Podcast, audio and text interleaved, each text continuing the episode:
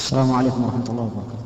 وعليكم السلام ورحمة الله وبركاته. في شيخ مجموعة طالعين من مقر محلهم اللي هم يقومون فيه بوسيلة تمشي يتمشون في البر.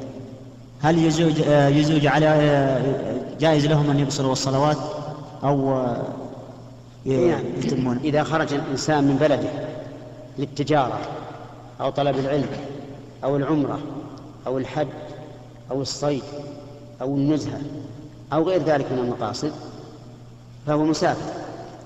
لكن الذي يخرج يتمشى في أول النهار ويرجع في آخره هذا ليس بمسافر